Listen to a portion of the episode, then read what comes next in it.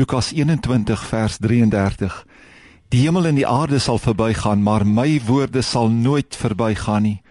Hoe ouer ek word, hoe meer besef ek die oppervlakkigheid van die woorde en uitsprake van mense, die relativiteit van die denke van mense.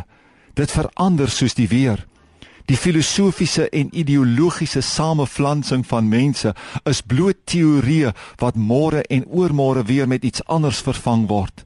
Wat het geword byvoorbeeld van Hitler se nasisme en vele ander? Hoe ouer ek word, hoe meer besef ek dat die mens gemaakte is wankelbaar.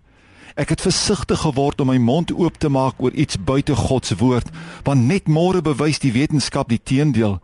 Hoeveel keer is nie selfs die goed wat op sogenaamde wetenskaplike navorsing berus later as onwaar bewys nie. Daar was 'n tyd dat die dieetkundiges ons gewaarsku het teen die hoë inhoud van cholesterol in eiers.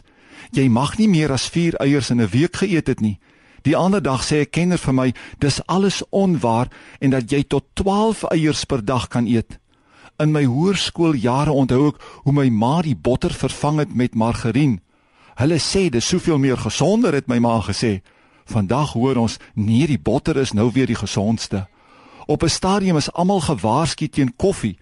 Die nuutste bevindinge is dat koffie is eintlik baie gesond en is 'n teevoeter vir baie siektes.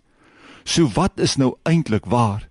Niks is vas en niks is seker op hierdie aarde nie behalwe die woord van God. God se woord sal staan tot in die jongste dag. Dis tydloos, dis ewig, dis vandag waar en môre en dit sal altyd waar bly.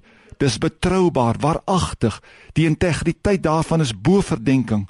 Selfs die eindoordeel berus op die woord van God.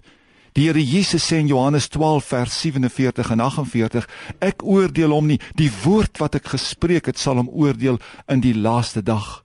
Die Bybelvertaler sukkel met Psalm 138 vers 2 en elke vertaling gee iets anders aan. Maar ek wil glo dat die King James as die oudste vertaling nog steeds een van die bestes is. For thou hast magnified thy word above all thy name.